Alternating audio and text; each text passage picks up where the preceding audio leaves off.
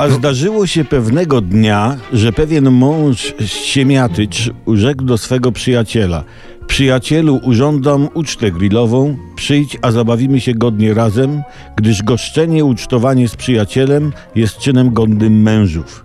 A ów mu powiedział, przyjacielu, i się rozpłakał łkaniem z głębi duszy, a łzy wzruszenia popłynęły z oczu jego, gdyż tylko z oczu łzy płynąć mogą, co uczeni biegli w piśmie nazywają płaczem.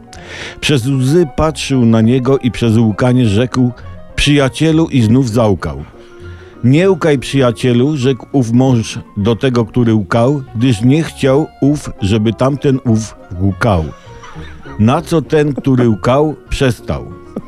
Ów ten, który na grilla zaprosił, postanowienie podjął, by się godnie do uczty przygotować.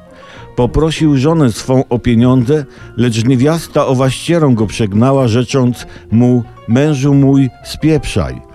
Ów jednak pomny obietnic swych, które złożył przyjacielowi, udał się do przekupnia niejakiego biedronki i nabrawszy rzeczy niezbędnych na grilla, a to kiełbas pewną ilość, a to sagany piwa, a to amfory z wódką, a to pieczywa krojonego wystarczające ilości, nie zapomniał ów o musztardzie oraz innych rzeczach. Obładowawszy się, wyszedł, y, wyszedł od przekupnia nie uiszczając, gdyż myślał sobie: Zaprosiłem przyjaciela, który łkał, zatem mam prawo. Przekupień biedronka, bywszy innego zdania, polecił porządkowym ująć owego męża, co oni uczynili.